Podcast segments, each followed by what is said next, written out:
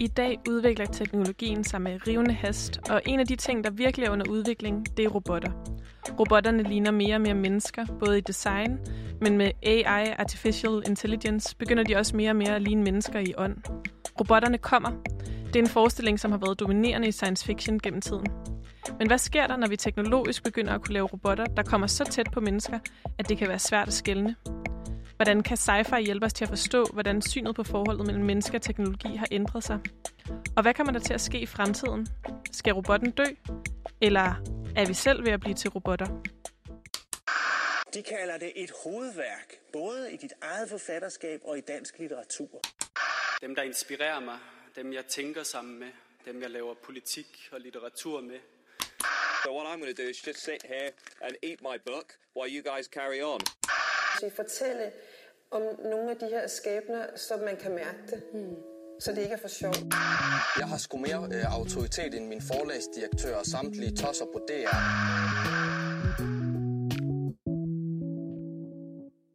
Velkommen til Boblen.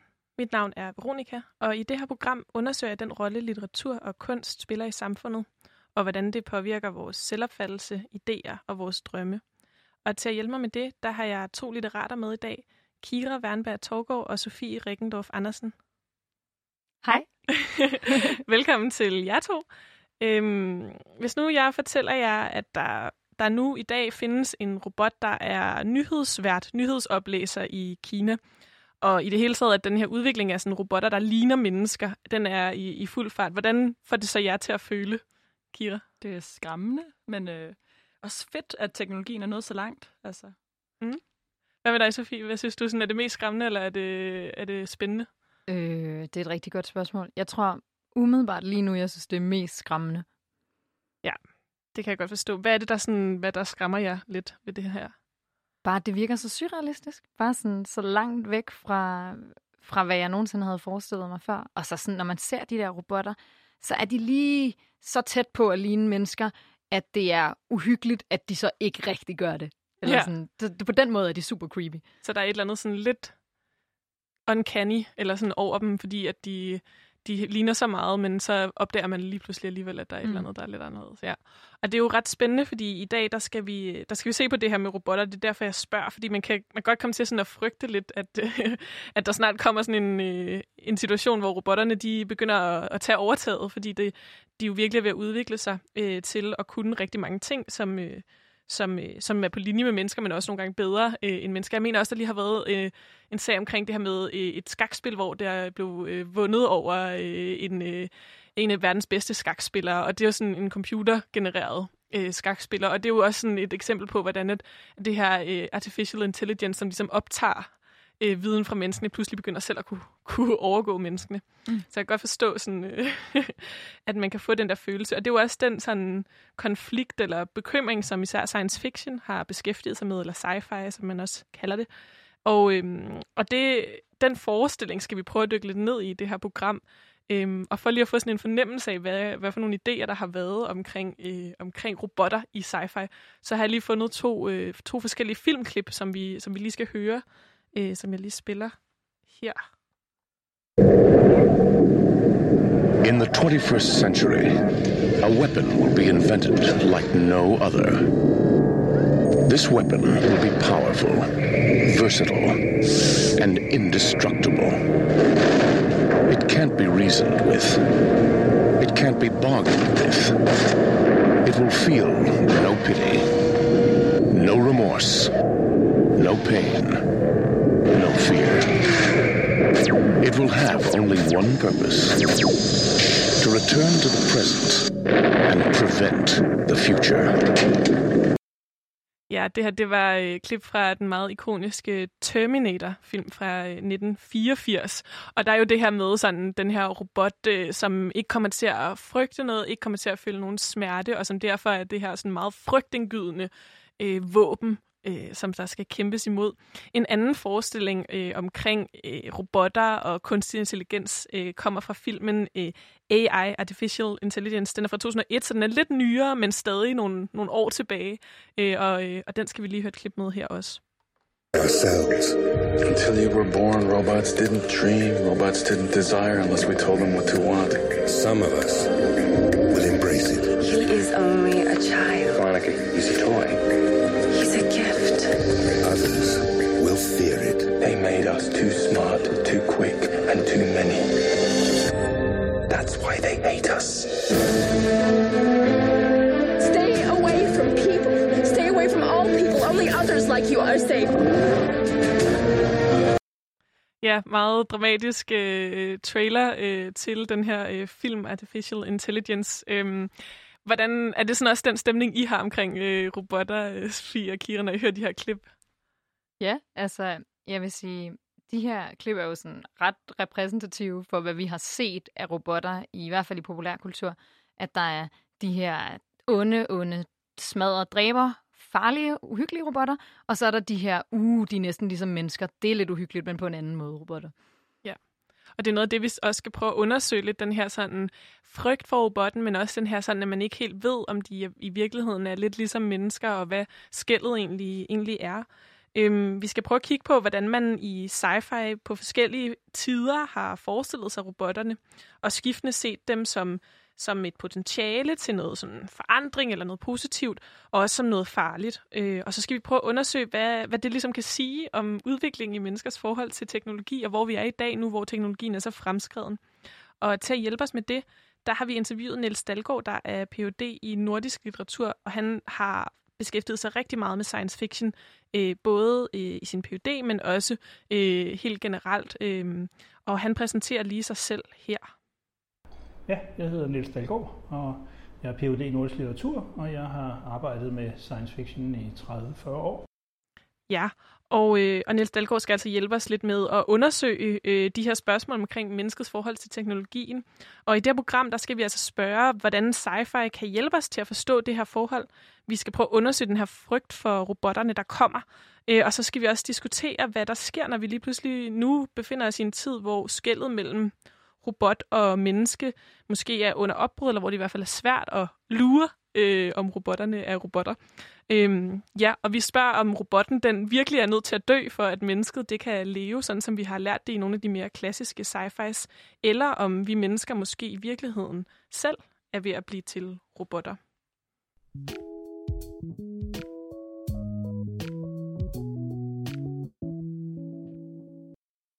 Du lytter til Boblen, hvor jeg, Veronika, sammen med eh, de to litterater, Kira og Sofie, undersøger den klassiske konflikt i sci-fi, hvor mennesket det er op imod teknologien i form af en robot, sådan som vi for eksempel kender det fra filmen Terminator.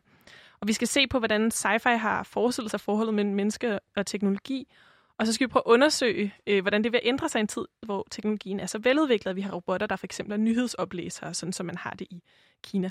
Og øhm, Kira, du har jo været ude at interviewe Niels Dalgaard sammen med Sofie, men, øh, men jeg, det er dig, der lige hjælper os igennem her. Han har altså skrevet en PhD med fokus på science fiction, og også især omkring, hvordan synet på robotten det har, har udviklet sig i sci-fi gennem tiden. Ja, vi snakkede en masse med ham om sci-fi, og især om de her robotter, og hvordan sådan, synet på robotter har udviklet sig igennem tiden, og han kom med en rigtig fin beskrivelse af ordets oprindelse, altså selve øh, robot oprindelse, som øh, kommer her. Om ordet robot, altså fordi øh, det blev jo opfundet i 1920 af en tjekkisk øh, forfatter, der hedder Karl Čapek. Øh, og det kommer af et, et slavisk råd, som betyder øh, hårdt arbejde eller tvangsarbejde eller sådan noget. og hos ham var det klart metafor for, for arbejdere. Altså den her ansigtsløse masse af arbejdere, som mellemlaget tit føler sig truet af. Og med mellemlaget, der vælger han øh, middelklassen. Øhm, og Ja, det er ret spændende det her med, at han siger, at robotordet det egentlig har skulle sådan henvise til, øh, til sådan en masse af, af arbejdere, øh, som på en eller anden måde, og også det her med sådan tvangsarbejde, fordi man kan sige noget af det, som er også den centrale konflikt i nogle af de film, vi lige hørte nogle klip fra, er jo også det her med sådan magtforholdet mellem, mellem mennesket og teknologien, og den her idé om, at mennesket skal sådan tæmme teknologien og, og udnytte teknologien. Men, øh, men hvordan har det sådan...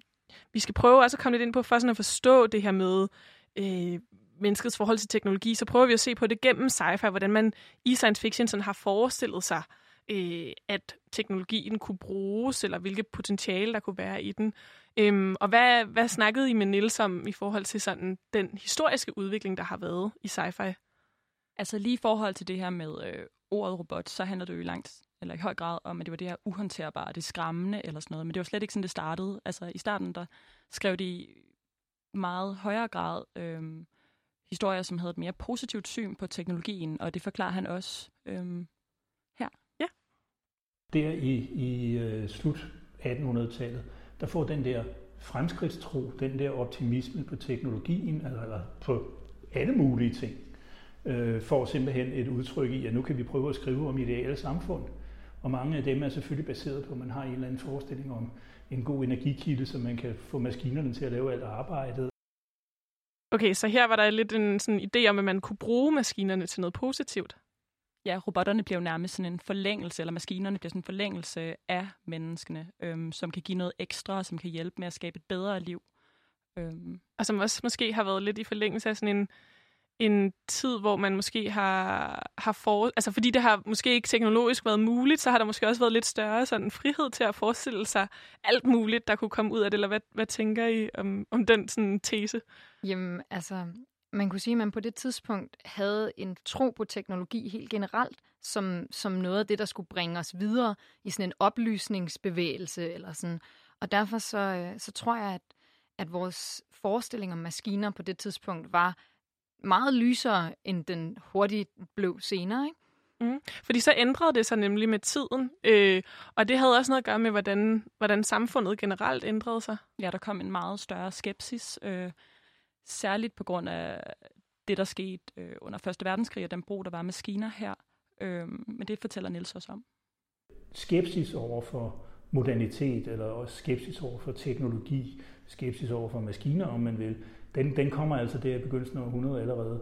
Men den, den får selvfølgelig gevaldig øh, vind i sejlene, når man ser, hvor store, flotte maskiner de brugte til at slå hinanden ihjel med i, i, i øh, 14. 18. Ikke?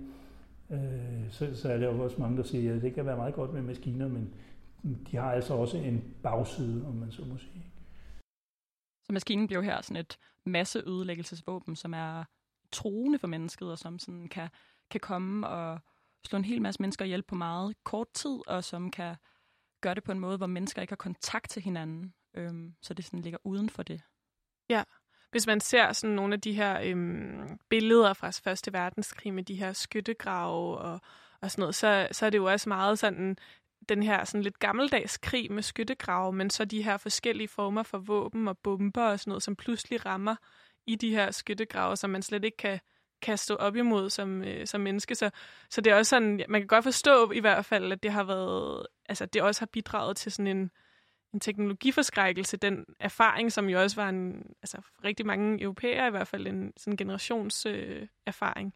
Ja, og hvis man forestiller sig, at man var vant til at være i en krigssituation, hvor du altid kun blev slået ihjel, hvis du stod over for det menneske, der slog dig ihjel, og så ham i øjnene, så lige pludselig, at der kan blive kastet en bombe, og du aldrig nogensinde ser det menneske, der, der står for det, det er øh, en kæmpe, kæmpe oplevelse og enormt skræmmende. Men hvis man så skal prøve at se på, sådan, hvad betyder det så for, hvis vi skal prøve at gå lidt ind i, sådan, hvordan, hvordan robotter så kommer til udtryk i, i science fiction? Jamen, robotter bliver i høj grad øh, vist som de her sådan, dæmoner nærmest, som de her ting, som er helt anderledes fra mennesker, som på en eller anden måde, robotter ligner jo mennesker, men så er de ikke mennesker alligevel. Øhm, og, og hvad så med sådan udvikling, hvis man kan sige sådan, altså nu, nu har vi hørt sådan, der var ligesom øh, sådan lidt tidligt, måske inden man sådan for alvor kunne, kunne bygge øh, den her teknologi, nogle idéer om, at man kunne sådan bruge teknologien til at skabe nogle robotter eller nogle maskiner, som kunne skabe velstand og øh, sådan automatisere samfundet. Øh, og så kommer den her krig, som på en eller anden måde giver et helt andet blik på, hvad, øh, hvad teknologien kan af redsler, øh, og hvor skrøbelig måske også menneskekroppen er over for, for det her stål øh, og metal. Men, men hvad sker der så sådan derefter i forhold til udviklingen af synet på, på teknologien? Jamen, så ser vi jo, der kommer den her sådan, monstergengivelse, øhm, som Nils også sådan, snakker en masse om, også i forhold til øh, Frankenstein. 30'erne og så videre i, i trivialkulturen, populærkulturen, der er robotten tit, som det I siger der, det er, er monstre øh, og repræsenterer vel på en eller anden måde øh, skaberkraften, der er sluppet ind af hende, og der på den måde trækker den jo tilbage til, til Mary Shelleys Frankenstein, selvom det ikke var en robot. Og øh, Frankenstein er jo helt tilbage fra 1818 og bliver faktisk set som sådan den allerførste sci-fi. Og som øh, Nils også siger, så er det jo ikke som sådan en robot, fordi den er skabt af kød og blod. Og sådan, men der er alligevel det her øh, forsøg på at skabe et kunstigt liv, og forsøg på at skabe noget, som ligner et menneske, men som alligevel ikke helt er et menneske, og sådan, som er sådan super spændende. Så den bliver på en eller anden måde set lidt som sådan den første idé om det her, øh, øh, sådan den her sådan, øh, menneskeskabte øh, figur, som på en eller anden måde også selv kan handle. Ja. Ja, og det uhyggelige i det også, ikke? hvor uhyggeligt det er at have noget menneskeskabt, som pludselig bliver stærkere, øh, i hvert fald på nogle punkter, end skaberen. Der er jo nok mange, der kender Frankenstein fra sådan alle mulige sådan, øh, udgaver og alle mulige forskellige film, og tit er det den her sådan, øh, sådan grønne øh, figur med sådan nogle skruer øh, i panden. Øhm, men, men i Mary Shelleys bog, øh, Frankenstein, øh, der er der, så vidt jeg husker, også sådan nogle ret sådan grundlæggende diskussioner omkring for eksempel sådan øh, robotten, eller hvad hedder det, den her sådan Frankenstein, som sådan begynder at lære, lære sprog, for eksempel. Ja. Det er rigtig spændende faktisk, at, at når man ser de der øh, tegnefilm og sådan noget, der bruger Frankensteins monster, og er, er monsteret ofte bare sådan, siger bare ja og nej, og sådan ret øh, dårligt til at tale, hvor at i romanen er den faktisk rigtig veltalende. Øh, lærer at snakke ved at læse stor litteratur, øh, Paradise Lost og sådan noget. Altså sådan, den er ligesom øh, øh, voldsomt intelligent og, og måske så menneskelig, at det er det, der bliver det uhyggelige. Ikke at den er, at den er, er klam og mærkelig og anderledes, men at den faktisk taler og opfører sig fuldstændig som et menneske og føler som et menneske, men bare ikke ligner et menneske, men ligner et monster. Det, det er jo nogle af de øh, sådan konflikter eller tanker omkring robotter eller de her sådan, øh, menneskelignende øh, figurer, som, som vi skal prøve at dykke lidt mere ned i. Øh, men der sker også noget med, med genren sådan, øh, i forbindelse med det her med, at der bliver mere fokus på, på monstrene. Jamen, det er jo i høj grad en genre, som øh, bliver gengivet inden for sådan noget populærkultur. I hvert fald i det her, eller den her periode, så det er en genre, der bliver gengivet inden for populærkulturen, øhm, så måske ikke inden for det, som vi laver, litteraturvidenskab, ikke på det tidspunkt blev set som sådan øhm, stor litteratur som sådan. Og det handlede også om, øh, hvor den blev udgivet henne, men det siger Niels noget mere om. En del af den amerikanske science fiction i, i 20'erne og 30'erne var meget triviel. Altså, det var ikke stor litteratur. Det udkom i pulp-magasinerne, øh, som, som var sådan, ja, Øh, det var ikke tegneserier, men det var, det var øh, billig, billig litteratur. Ikke? Og, og indrettede sig ret meget efter, altså man, man får et billede af det der, øh, den der folkepsykologiske opfattelse af maskiner og robotter. Og den folkepsykologiske opfattelse, han snakker om her, det er den her demonisering, vi lige snakkede om.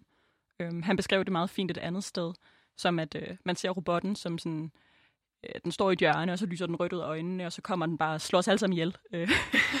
Øhm. Ja, det minder jo også meget om, om den sådan øh, beskrivelse, der var af Terminator i det her klip. Vi, øh, den her sådan, øh, det her våben også, som det også bliver beskrevet, som, som ikke kommer til at føle smerte, og som er sådan en udryddelsestrussel for, øh, for menneskeheden. Men, øh, men så det betyder egentlig, at der har været nogle forskellige tråde øh, i forhold til, hvordan man har set på robotter igennem tiden, som også har været præget lidt af, hvad for en samtid, øh, der ligesom har kigget på teknologien. Helt sikkert. Og hvis vi skal prøve sådan at måske sådan opsummere lidt på sådan, eller sådan nogle af de spørgsmål, det rejser, eller som jeg kommer til sådan at tænke på, det er sådan, altså, om, altså, om, hvad hedder det, det her med synet på robotten, om man ligesom skal forstå det som sådan en, øh, altså, hvor, hvorfor tror I, at der ligesom øh, pludselig bliver sådan, altså ud over Første Verdenskrig og sådan noget, men hvorfor kan den ligesom blive ved med at, at vare den her idé om sådan robotten som, som noget farligt, altså helt op til i dag, fordi det er jo ikke, nu spillede vi lige de her klip, de er selvfølgelig nogle lidt gamle film, men, men det er jo ikke sådan, at det er sådan helt ude, den her idé om, at, øh, at robotten er farlig. Altså en anden ting, som også kom i nærmest samme periode, som øhm, hvad hedder det, Første Verdenskrig og sådan noget, det var, at robotten blev en større og større del af menneskers liv. Altså sådan, robotten kom ind i hjemmet, og der begyndte på at være støvsuger og vaskemaskiner og sådan noget. Det er jo kun noget, der er kommet mere af. Altså sådan, at vi går rundt med en mobiltelefon, og sådan, så det fylder mere og mere og mere. Ja, maskinerne har ligesom taget, taget, vores, taget over i vores dagligdag, ikke? Og sådan, på det tidspunkt, hvor man først begyndte virkelig sådan at demonisere robotterne i, i sci-fi, der var det netop fordi, at man fik dit, alle de der mange maskiner, og lige pludselig var det ikke bare noget, der blev brugt ud på nogle store fabrikker, det var noget, der stod hjemme i dit hjem, og du brugte det til alle dine sådan, hverdagslige ting. Du brugte maskiner, når du skulle vaske op og lave mad og alle sådan nogle ting. Og nu i dag, der er maskinerne jo, altså som du sagde, meget mere inde i vores liv, og vi bærer rundt på dem hele tiden, og folk har kunstige knæ og kunstige alle mulige ting opereret ind i deres kroppe, så de ligesom morfer med det her øh, teknologiske på en måde, der gør det hele tiden enormt relevant. Ja, det er jo ret spændende det her med, at de sådan kommer længere og længere ind i vores, øh, vores hjem, og, og det her med, at vi også begynder måske at, at se den her telefon, smartphone, lidt som sådan en forlængelse af, af os selv, og det er der, vi har meget af vores sådan, relation til andre mennesker også. Det her med, at vi sådan øh, deler alle mulige tanker og forestillinger og billeder øh, med hinanden via teknologien. Ja, og der kan man jo ligesom sige, at man nærmest får et følelsesmæssigt relation, ikke nødvendigvis til teknologien, men igennem teknologien. Og det er noget af det, som også ofte bliver brugt i sådan spørgsmål om robotter og film, hvor det skal være uhyggeligt. Det er det der med, jamen, hvis robotten får følelser, så giver det lige pludselig mening, at den gør oprør. Fordi i nogle af de der pulp-magasiner, hvor det ikke er så stor litteratur, der er det sådan, det er uhyggeligt, at robotten er stærkere end os, ligesom i Terminator. Det er uhyggeligt, at vi har bygget noget, der er stærkere end os. Og det er sådan en, en ret lille konflikt, hvor, som ikke, hvor ikke, det ikke nødvendigvis giver mening, at robotten gør oprør, men så snart den får menneskelige følelser, øh, hvilket er det, vi blandt andet ser i den der Artificial Intelligence-film, så giver det lige pludselig mening, og så bliver det dobbelt uhyggeligt, fordi er de følelser ægte? Kan man stole på, hvis en robot siger, at den er forelsket i dig, ligesom i Blade Runner, øh, hvor at der ligesom er en mand, en hovedperson, der har en relation til en robot, men kan man så stole på, at de følelser er, fordi hun rent faktisk elsker dig, som et menneske ville, eller om det er en programmering, noget, der er nogen, der har gjort for hende? Hvis det er en programmering, gør det så mindre ægte? Og præcis, sådan, ja. lige præcis. Er det så ikke rigtige følelser, hvis det er noget, der er nogen, der har bestemt? Du, du kan forvente, at de går oprør, hvis du gør dem så menneskelignende, at, at de øh, har, har følelser og, og sådan noget. Men så, det er jo en anden, og i øvrigt ikke uinteressant, filosofisk diskussion. Ikke? Den dukker også lidt op i Blade Runner. Ikke? Hvornår, hvornår er det ægte? Altså, hvornår, hvordan kan en udenforstående person overhovedet vide det? Ja, der kommer Niels også lidt ind på det. Det er derfor, jeg lige tænkte, det gav mening lige at høre det her klip også. Det her med, sådan, hvordan, hvem er det, der skal vurdere, om de her følelser er ægte? Øhm, noget af det, som, som også blev nævnt i det klip, vi hørte fra den her film, Artificial Intelligence, også, hvor at der er en, der siger, øh, før du blev født, øh, var, var der ikke nogen, eller drømte robotter ikke. Øh, så der er ligesom sådan en idé om, at, at robotter begynder at have drømme øh, og, øh, og forestillinger og sådan noget. Og hele det her med øh, AI, Artificial Intelligence, er jo også sådan på en måde bygget op omkring, at, at robotter skal indoptage øh, menneskelige adfærdsmønstre. Og man kan sige, er det ikke også en del af det menneskelige ja. adfærdsmønster at fø- have følelser og drømme og, og sådan nogle ting. Hvilket er super interessant i forhold til Blade Runner, som er baseret på en historie, der hedder Do Android Dream of Electric Sheep?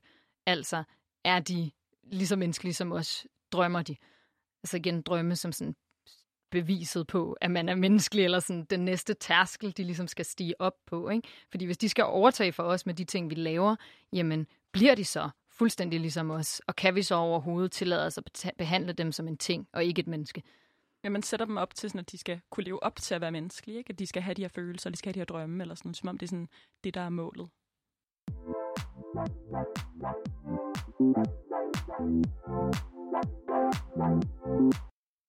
Ja, i dag der er øh, udviklingen jo eskaleret øh, teknologisk, så vi faktisk øh, har øh, robotter, der kan være nyhedsoplæsere for eksempel, og som, som ligner øh, mennesker i udtryk. Øhm, og, øh, og der er i det hele taget sådan en rimelig stor hast på udviklingen af det her øh, område. Øhm, men sådan spørgsmålet er, hvad det gør ved vores forestillinger omkring mennesker, teknologi, og hvordan science fiction ligesom indoptager den udvikling, fordi man kan sige, hvis, hvis der ligesom har været en dominerende idé i science fiction også siden, altså fra Første Verdenskrig og så frem, sådan en teknologiskepsis, eller at man i hvert fald fremstiller sådan en bekymring over øh, teknologien, så øh, bliver det jo mere og mere sådan øh, en udfordring at have den skepsis, fordi at, at, at tingene udvikler sig så rivende øh, hastigt, og, og robotterne i højere grad begynder at ja, netop nå det her tvivlsspørgsmål er det også noget, Niels kommer ind på, at det netop bliver, bliver mere og mere virkeligt og mere og mere vedkommende, og de begynder på at ligne mennesker mere og mere, de her robotter. Øhm, og han har sådan en klip, hvor han kommer ind på præcis, hvordan det er, det sker. Diskussionen om, om øh, det menneskelige og det ikke menneskelige, den fortsætter jo, fordi man er begyndt at lave menneskelignende robotter. Altså i mange år gik vi og sagde, at det vil aldrig blive sådan noget. Hvorfor skulle, hvorfor skulle man det? Det er jo både dyrt og besværligt. Nu er de så begyndt at snakke om at bruge det i plejeindustrien og, og alt muligt, hvor det faktisk er en fordel, de ligner mennesker, og de har også forsket meget i det. Ikke? Øh, men men, men øh, i mange årtier var det jo sådan, at, at der var masser af robotter i virkeligheden. De står bare på fabrikkerne og består stort set kun af en arm. Det han siger, det er jo, at den frygt, der måske var for robotterne tidligere, var i virkeligheden lidt spøjs. Altså sådan, fordi det var ikke sådan, virkeligheden var. Det var ikke sådan, robotterne var. Der var de her robotter, men de var maskiner, og som både i udseende og sådan i evner, og sådan overhovedet ikke mindede om mennesker. Men det begynder de så på nu. Og altså, øh, man kan sige, måske har, har frygten for robotterne også tidligere, altså de her øh, robotter, der stod på fabrikkerne, også mere handlet om for eksempel sådan noget som, som arbejdskraft, ikke? og øh, om man mistede sit job til, til robotter, som jo stadig er en ting, altså som jo stadig er noget, der bliver diskuteret. Er der nogen slags job, som, som inden for de næste år forsvinder, fordi at der bliver, bliver udviklet nyhedsoplæserrobotter, for eksempel forsvinder rollen som nyhedsoplæser så øh, fra det menneskelige felt. Øhm, men det har måske også i høj grad været, været det, der har, har domineret øh, i forhold til sådan frygten for, for robotter tidligere. Men nu bliver det ligesom, nu pludselig diskuterer man, om man skal have menneskelignende robotter inde på plejehjem og sådan nogle ting, og det rejser nogle helt nye sådan øh, debatter eller problematikker. Grænserne bliver meget mere uklare. Altså sådan, og det er også noget, som vi kan se i litteraturen, at sci-fi-genren også forholder sig til det her øhm, med, at de her grænser bliver mere og mere øh, uklare. Og det vil sige, at man får en helt, særligt i nyere tid, får en helt undergruppe af, af tekster, der bruger robotter eller menneskelignende robotter til at diskutere, hvad der egentlig er et menneske. Ja, hvad der er et menneske. Stort spørgsmål. ja, og altså nogle af de ting, som jo også bliver rejst i forhold til det her med, øh, med hvad der er et menneske i, i science fiction. Altså, øh, det, det har jeg også fundet et klip øh, fra, en, fra en film, som beskæftiger sig med, som jeg lige tænkte, vi kunne høre. Øh, bare for sådan at få et lidt andet vinkel på det her med de menneskelignende øh, robotter. Sådan på en lidt anden måde ligner den her øh, robot et menneske. What's it like to be alive in that room right now? I wish I could put my arms around you. Wish I could touch you. How would you touch me?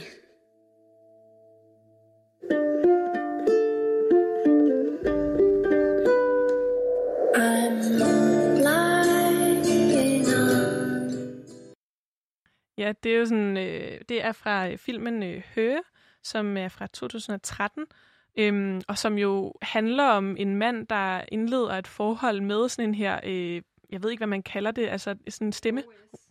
Øh, det er en OS, et uh, operative system, så det er ligesom sådan en Alexa eller Siri på din telefon, som han faktisk øh, er i et øh, romantisk og seksuelt forhold med.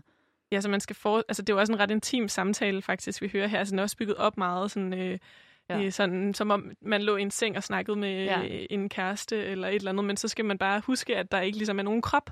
Ja. Øh, så det her spørgsmål omkring øh, det menneskelignende er jo både i forhold til, at robotterne kan ligne mennesker, men, men så er der jo også det her med, at robotterne, øh, hvad kan man sige, i ånden måske øh, kan ligne eller spejle menneskene. Det er i hvert fald det, som den her film den sådan rejser som problematik. Men det er jo lidt problematisk, for i den film, der er det også sådan, at han har købt øh, det her ja. øh, OS.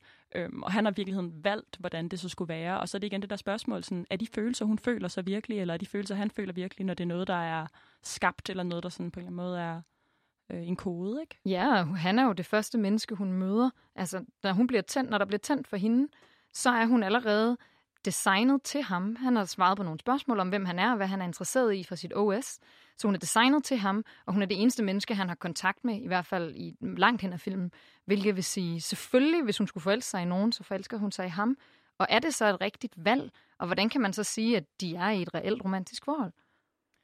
Ja, måske så rejser... Altså, det er måske noget af det, som man kan sige, at science fiction så begynder at nærme sig lidt mere øh, i dag. Altså, den her øh, sådan grænse øh, spørgsmål, altså omkring øh, rettigheder og omkring, øh, hvordan man øh, ikke kun hvad der ligesom kan lade sig gøre, men også hvad der er etisk i forhold til det her, du siger, Kira, med, at, at, at, man skal, at der ligesom bliver sat, øh, den her film, den problematiserer også, eller i hvert fald skal man huske i den film, at der ligesom også er noget økonomi ind over det, og det her med, at det bliver sådan tilpasset til den enkelte. Øhm, så de her spørgsmål om, om man så ender i sådan et ekokammer på ja. en måde. Helt sikkert. Øhm, hvordan, hvad tænker I sådan, hvis man skulle sådan prøve at snakke sådan lidt mere generelt omkring, hvilke sådan problematikker, der ligesom opstår i den, en tid, hvor teknologien er så, så vidt udviklet, altså i forhold til robotter, der ligner mennesker og sådan noget. Altså, øhm, tror jeg, at science fiction som genre får brug for så at forholde sig til noget andet, eller sådan omforme sig, fordi det har jo meget handlet om de her robotter, som kommer, og som man skal kæmpe imod, eller sådan, hvordan, ja. hvad tænker I, sådan, det gør ved genren på en eller anden måde? Altså man kan jo sige, at der tidligere har været en meget skarp skillelinje i meget science fiction mellem, mellem menneske og robot, mellem det øh, kunstige og det ægte, mellem sådan kultur natur, underlig sådan en skarp skillelinje, hvor at i dag, der, som vi snakkede om før, der har man ligesom sin telefon med sig alle vegne. Vi er ligesom blevet en del af det. Man kan have, øh, som sagt, sådan nogle kunstige lede og ting, som er blevet opereret ind i din krop, som på en eller anden måde er teknologiske.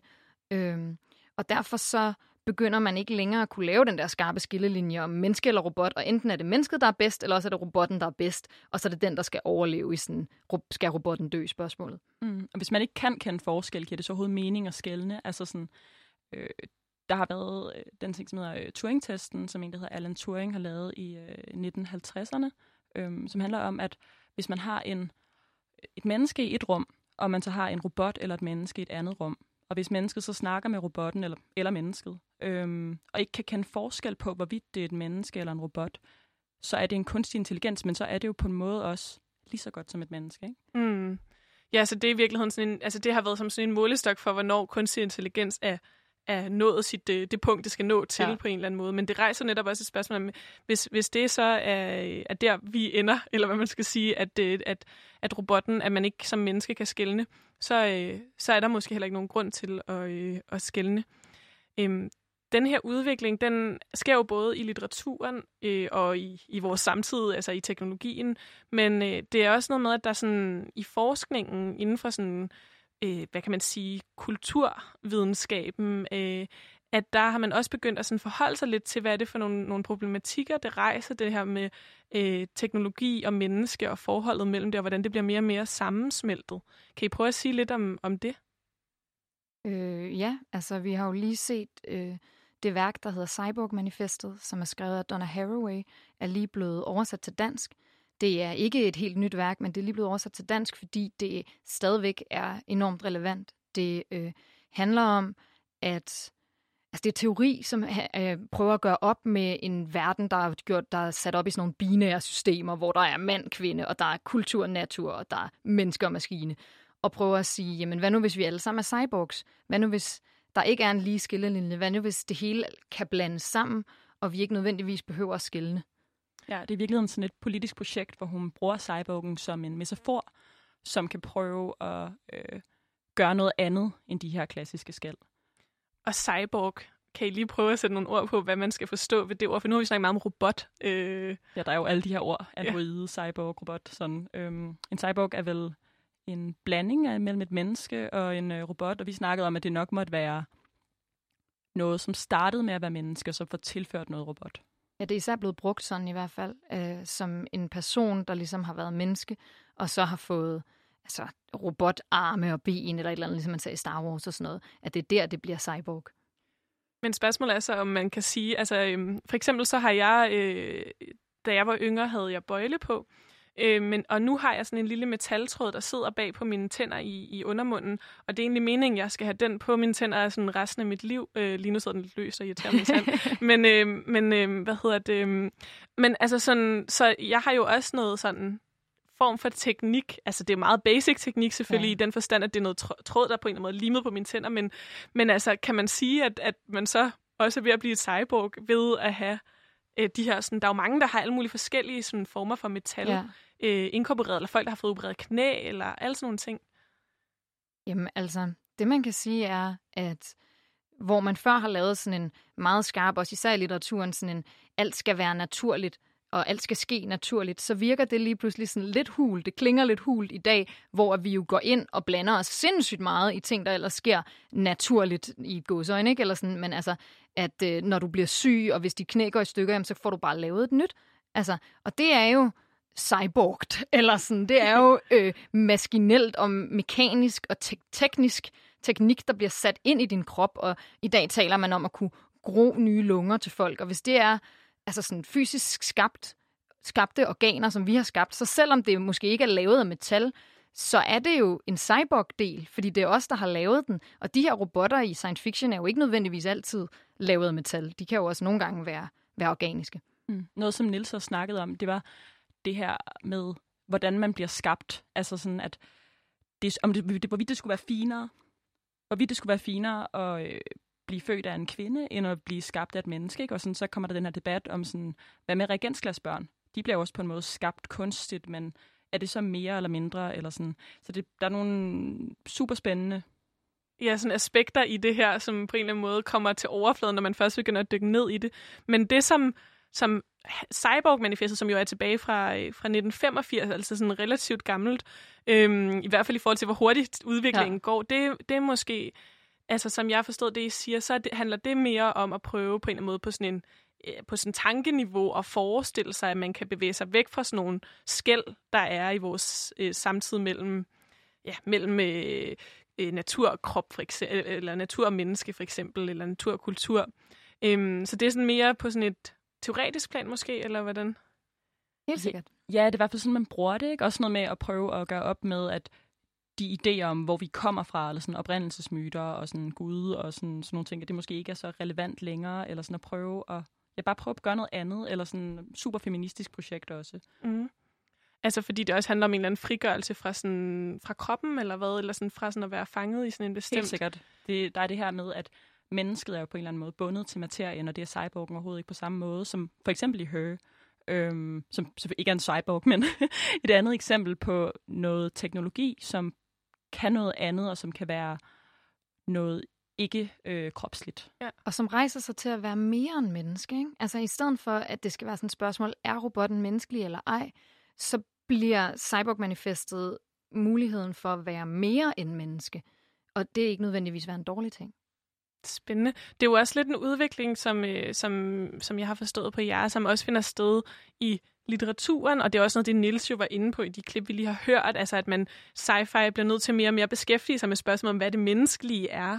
Øhm, og Sofie, du har, øh, du har taget øh, en dansk bog med, ja. som beskæftiger sig lidt med, øh, med det her emne. Kan du lige prøve at fortælle, hvad det er for en bog? Ja, det kan jeg godt. Det er Olga Ravns roman De Ansatte. Øhm, øh, den er udgivet af Gyldendal, og der står øh, på bagsiden, kalder hun den en arbejdspladsroman fra det 22. århundrede. Øh, men den foregår ligesom på sådan et øh, rumskib, hvor der både er nogle ansatte, som er mennesker, de bliver kaldt de menneskelige, og så er der nogle skabte, altså nogle robotter, androider, øh, som er menneskelignende. Øh, og de færdes sig alle sammen i, på det her rumskib, og fortællingen er så, eller romanen er så fortalt i sådan nogle vidneudsagn, hvor der er nogen, der snakker med dem om deres relation til nogle objekter, som de ligesom har fundet på en anden planet, og som de fragter på det her skib. Det er noget med, det er øh, beskrevet som, jeg tror, en, jeg, jeg tror, jeg har læst interview med hende, hvor hun kalder det nogle mus-samtaler, altså de her medarbejderudviklingssamtaler. Ja, det er det, man skal forestille sig, at der foregår. Men det er også derfor, jeg nævnte det der med, at hun kalder den en arbejdspladsroman, ikke? fordi den er meget sådan arbejdspladsrelateret og arbejder med det der med, jamen, hvad vil det sige at være en arbejder, som er i et system, ikke? og så det der med menneskelige og, og menneskelignende, som virkeligheden går helt tilbage til, hvad, man, hvad vi snakkede om med, hvordan ordet robot stammer fra, fra en idé om sådan den ansigtsløse arbejder og sådan noget. Ja, mm. også de menneskelignende er jo skabt til at arbejde, og det Præcis. er deres eneste formål. De har ligesom, de er skabt med det formål at være på den arbejdsplads, øh, men hvad gør det så ved den måde, de menneskelige ser sig i forhold til dem, og sådan relationerne på den her arbejdsplads, og det er noget af det, som den her bog behandler på en rigtig fin måde, efter min mening. Og du har taget to øh, uddrag med, som du vil læse op, og vi, ja. vi hører dem bare i en køre. Øhm, med ja. et lille mellemrum imellem. Jeg holder en lille pause, ja. så I måske kan høre, at så vi øh, kan nu går vi videre til den næste. Ja, øhm, og øh, for lige at sådan rammesætte lidt, så øh, får du lige sådan en, øh, en god sci-fi-lyd, øh, inden, du, øh, inden, jeg sætter, øh, ja, inden du skal læse op. Øh, og den kommer lige øh, her. Bag en af ruderne stod en menneskelignende ansat. En prototype, helt stille med ryggen til os. Det eneste, der bevægede sig på ham, var to fingre, der gned sig mod hinanden. Sandsynligvis vist kasatonisk, sagde dr. Lund. Dr. Lund var meget velklædt, faktisk lapset. Jeg vidste ikke, hvem jeg tilhørte i hans øjne. Om jeg var menneskelig, eller om jeg var en ting i live. Selvom jeg er født og opvokset, og der stod menneske, menneskelige i mine papirer, var der noget ved hans opførsel, som fik mig til at tænke, at han ikke betragtede mig som ligeværdig, og i nogle korte, frygtelige sekunder følte jeg mig kunstig, skabt, ikke andet end en menneskelignende maskine af kød og blod, min skabers skærm, uægte, ført.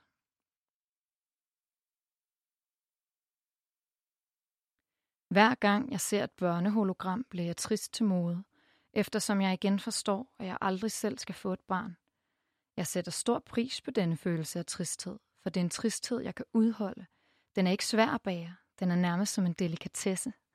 En anden grund til, at jeg sætter pris på en sådan tristhed, er, at jeg ved, at den er en afvielse fra den følelsesmæssige adfærd, jeg er blevet tildelt. Og jeg ved, at en afvigende følelsesmæssig adfærd kan være et tegn på, at man er ved at løsrive sig for opdateringen. I kan sige, hvad I vil. Jeg ved godt, at I ikke vil have, at vi bliver for, ja, for hvad? For menneskelige? For levende? Men jeg kan lide at være i live. Jeg ser ud på dybet bag panoramavinduerne. Jeg ser en sol.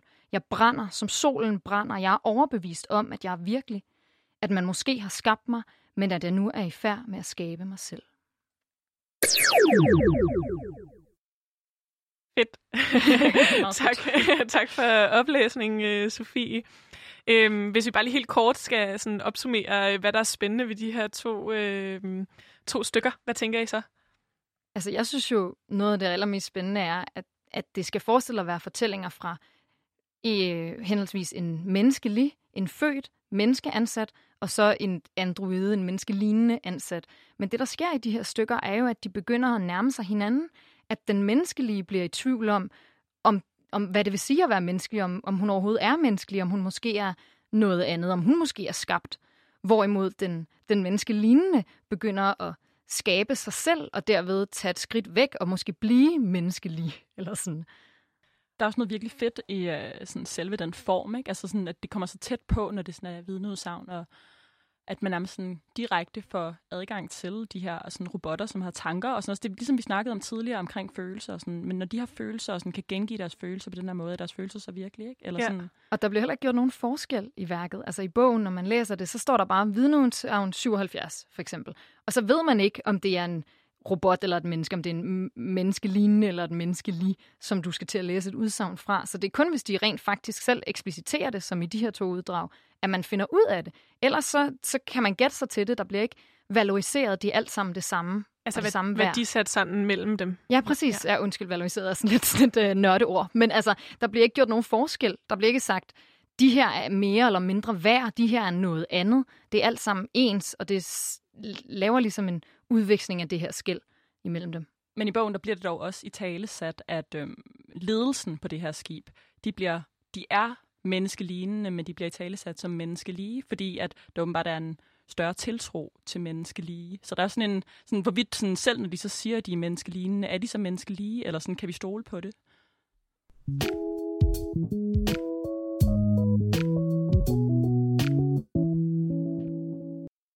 Du lytter til Boblen, hvor jeg, Veronika, sammen med Kira og Sofie, der begge er litterater, vi undersøger, hvad sci-fi kan lære os om menneskers forestillinger om robotter og teknologi. Og vi har hørt om, hvordan man i sci-fi har set på forholdet mellem robot og menneske gennem tiden, hvordan der først har været sådan et, et håb for, at maskinerne kunne, kunne bevæge os hen imod sådan et utopisk samfund, hvordan man øh, også i kraft af, af Første Verdenskrig og maskinernes øh, ødelæggelse der, øh, begyndte at have mere og mere sådan frygt for maskinerne, og hvordan det også kom til udtryk i science fiction i form af den her øh, troende robot, som mennesket skal, skal kæmpe imod. Øhm, og så har vi lige snakket om, hvordan at skældet mellem menneske og robot måske bliver mere og mere udvisket, både i, i vores egen øh, samfund, tid, øh, men også i, i litteraturen, og hørt noget, noget oplæsning fra, øh, fra Olga Ravns roman De Ansatte. Men hvis vi skal sådan prøve at, at bevæge os helt op på, på den store klinge, så tænkte jeg, at vi lige skulle snakke lidt om, hvad det er for nogle sådan, ja, grundlæggende spørgsmål, som det her rejser. Og øhm, jeg vil lige fortælle om en sag, som jeg har tænkt meget over, siden jeg hørte om den. Og det var en sag, der var i 2019, hvor det kom frem, at, øh, at seks medarbejdere fra rejseselskabet TUI, tror jeg man siger, eller TUI, øh, at de har fået indopereret sådan en mikrochip i hånden, øh, altså her i Danmark, som de blandt andet bruger til at låse deres skaber på arbejdet. Øh, og det rejste en ret stor debat, øh, og øh, fagforeningen HK var også ude at udtale, at det mm, var en glidebane, og man, det måtte i hvert fald aldrig blive et krav fra en virksomhed, at man skulle have indopereret sådan en chip. Øhm, blandt andet også ud fra sådan en bekymring om sådan noget med, med GPS-sporing, altså at man kunne spore, ja. hvor medarbejderne var, også i deres øh, fritid. Øhm, det understregede rejsebureauet TUI dog, at der ikke var i den chip, de har fået indopereret. Men jeg synes, det er ret spændende, at, øh, at det sker jo allerede. Eller sådan, der er en... Ja. Øh, øh, en, en sådan sammensmeltning i endnu højere grad. Ja, ja, præcis. Det er øhm. også enormt science fiction-agtigt. Altså, det lyder meget science fiction-agtigt, at man lige pludselig så ikke, skal man ikke bruge en nøgle til at låse sit skab op, så skal man bruge sin hånd, ikke? Præcis. Øhm, og, og det rejser jo virkelig nogle sådan etiske spørgsmål, også i forhold til sådan, øh, hvem der har magten over teknologien, øh, hvem der, øh, hvem der også hvem der tæller, hvis vi begynder at se robotter som, som, øh, som nogen, der er ligeværdige med mennesker. Hvordan arbejder vi så med, at der samtidig blandt mennesker findes øh, uligheder, øh, og at der for eksempel nu var der også en stor sag for nylig, i, eller for nogle år tilbage i, i Saudi-Arabien, hvor der var en, øh, en robot, der fik statsborgerskab. Og det blev blandt andet kritiseret, fordi der jo findes øh, en stor ulighed i verden i forhold til, hvem der har statsborgerskaber øh, og øh, rettigheder, de rettigheder, der følger med sådan et øh, statsborgerskab. Så der, der opstår sådan nogle ret grundlæggende spørgsmål i det her. Og spørgsmålet er, om sci-fi er i stand til som genre at sådan, forholde sig til de spørgsmål. Ja, altså det er jo sådan, det er også meget at kræve, men, men det tror jeg helt sikkert, at, at genren er. Øh, man kan sige, det der jo i virkeligheden sker i, i de her situationer, hvor man taler om mulighed, det er jo, kan jo gå fint i forlængelse af de sci-fi-fortællinger, vi har haft hele tiden, der arbejder med det uhyggelige, der var i mennesker, der hvis job blev gjort altså, øh, overflødige på grund af robotter. Ikke? Altså, så var der en hel masse mennesker, som ikke længere havde et arbejde, fordi at maskiner på en fabrik pludselig kan gøre det, de plejede at gøre. Og så nyhedsværter, som du til nævnte før, øh, bliver nyhedsværter så overflødige? Bliver robotterne lige pludselig mere værd end mennesket? Det, altså det er de samme spørgsmål, også i forhold til det her statsborgerskab, ikke? at så vil vi lige pludselig have flere beboere, som for, eller flere mennesker i et land, som får statsborgerskab, fordi vi har robotterne, der gør det, og så er det som om, de er mere værd end de mennesker, der ikke får det. Men det er jo netop sådan nogle problematikker, som sci-fi beskæftiger sig med, og som også det skæld, der på en eller anden måde er mellem øh, mennesker og robotter, øh, undersøger, fordi at robotter bliver måske set, for eksempel i Blade Runner, der er robotter i hvert fald nogen, der kan pensioneres, ikke? som kan slås ihjel på må få, eller sådan, selvom de også er øh, har følelser og sådan noget, eller det er der i hvert fald en, en undersøgelse af, hvorvidt de har. Og det er noget af det, som I også har, har snakket med, øh, med Niels Dalgaard om, ikke? Altså, hvad genren, ligesom sci-fi-genren, den sådan, øh, kan i forhold til samfundet, eller hvordan den kan forholde sig til verden omkring sig? Det er jo meget udbredt i science fiction, det der med, at man finder ud af, at ens verden ikke ser ud, som man troede, den så ud. Ikke? Og som igen er øh, en meget præcis, øh, meget, meget, øh, som, som ofte er en, et billede på, på øh, det, der sker, når folk de ligesom stiller spørgsmålstegn ved den ideologi, eller det, det, det selvindlysende billede af verdensbilledet, de har. Ikke? Ja, det som Nils snakker om her, det er jo hvad sci-fi kan, når det er virkelig godt. Ikke? Det kan på en eller anden måde sådan få os til at stille spørgsmålstegn ved øh, den virkelighed, der er, og sådan, hvorvidt man kunne have andre mulige virkeligheder, eller sådan, hvorvidt det er den eneste måde, øh, verden kan se ud på. Ikke? Øh.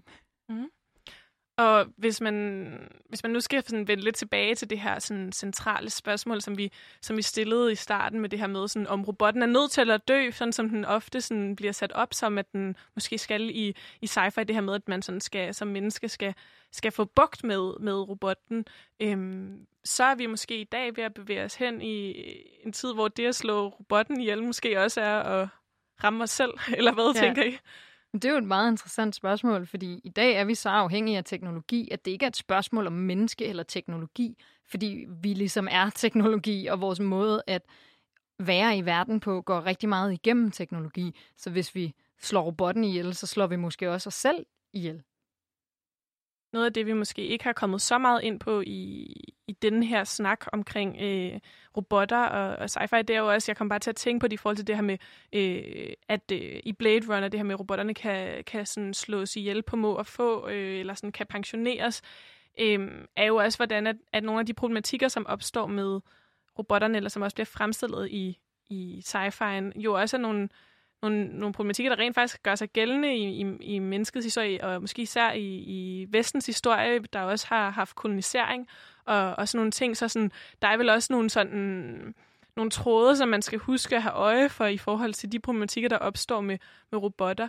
Og den frygt, der er for robotter, vil også er en, i det hele taget en frygt for altså sådan en idé om fremmede, eller Ja, sådan, som også... Noget andet, ja. Ja, og det man kan sige er, at når du ser en sci-fi film, eller læser en sci-fi roman, altså fortærer en sci-fi fortælling, eller sådan, så er robotten jo ikke nødvendigvis synonym for teknologi. Måske er det ikke teknologien, det altid snakker om. Måske kan, bliver robotten også brugt som symbol for noget andet, som symbol for den måde, vi møder folk, der er radikalt anderledes fra os selv på.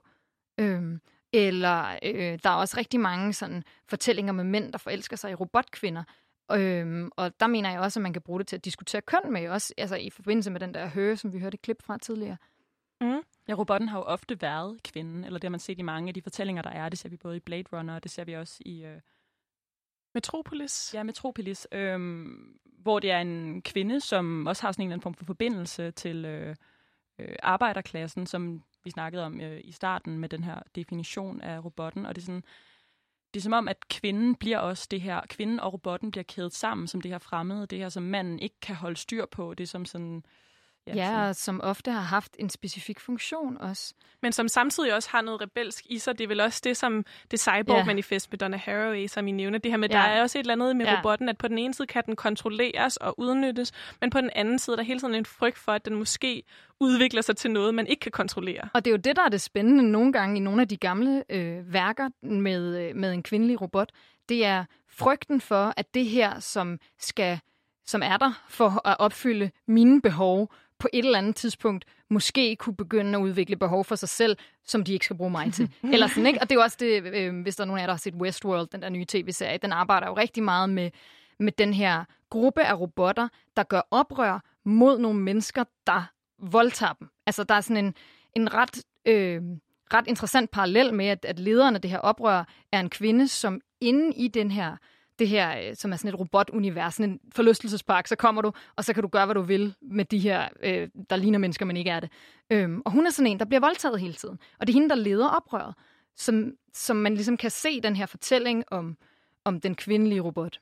Ja, og det er jo nogle, nogle virkelig spændende sådan, problematikker, som jo også gør sig gældende i den reelle teknologiske udvikling, øh, hvor der jo også er alle mulige spørgsmål omkring øh, robotsexdukker og alle sådan nogle ting. Øh, men øh, vi er ved at være lidt ved vejs ende, øh, og det har været ekstremt spændende at øh, snakke med jer, øh, Kira og Sofie, omkring de her problematikker, og hvordan at, at sådan en genre som sci-fi også fortæller os noget om vores sådan mere generelle historiske forhold til teknologien. Hvis I nu lige skal sådan prøve at opsummere noget, jeg synes har været særligt vigtigt at tage med sig fra det her program, eller noget, jeg synes, man skal prøve at tænke lidt videre over, når man har lyttet færdigt til det her program.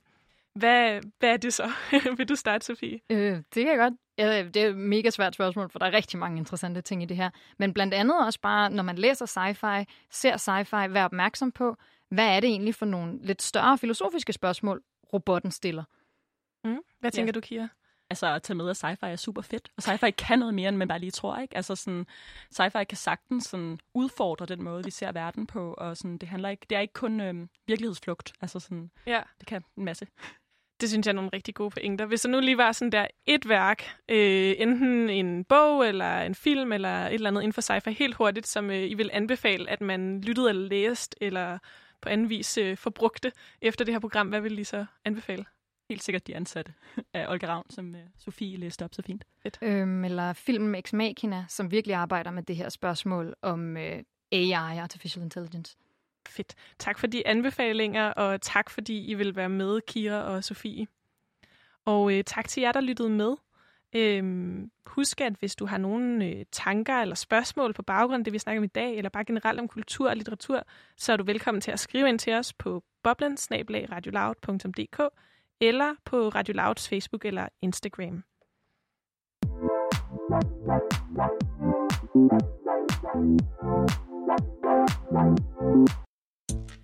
Du lyttede til Boblen.